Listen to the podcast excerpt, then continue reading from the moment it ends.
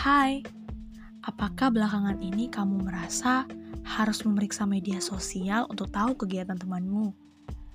Atau kamu merasa ketinggalan kalau nonton film Netflix yang sedang hype? Atau meniru gerakan TikTok yang sedang viral? Well, itu adalah indikasi bahwa kamu mengalami FOMO atau Fear of Missing Out. Dengan dunia yang makin terkoneksi, wajar jika hari ini kita sering mendengar kata FOMO. Tapi, ada antonim FOMO yang jarang kita dengar, yaitu JOMO.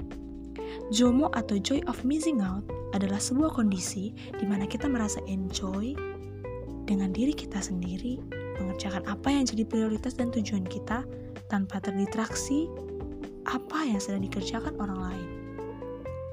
Ada tiga cara untuk mencapai JOMO. Yang pertama refleksi, yang kedua diskoneksi, dan yang ketiga rekoneksi. Pada akhir hayat, manusia tidak akan menyesal karena ketinggalan film hype atau kelewatan IG story teman.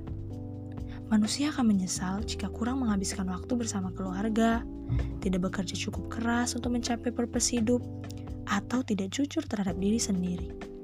Oleh karena itu, mari kita belajar mengaplikasikan JOMO. Selamat mencoba! Thank you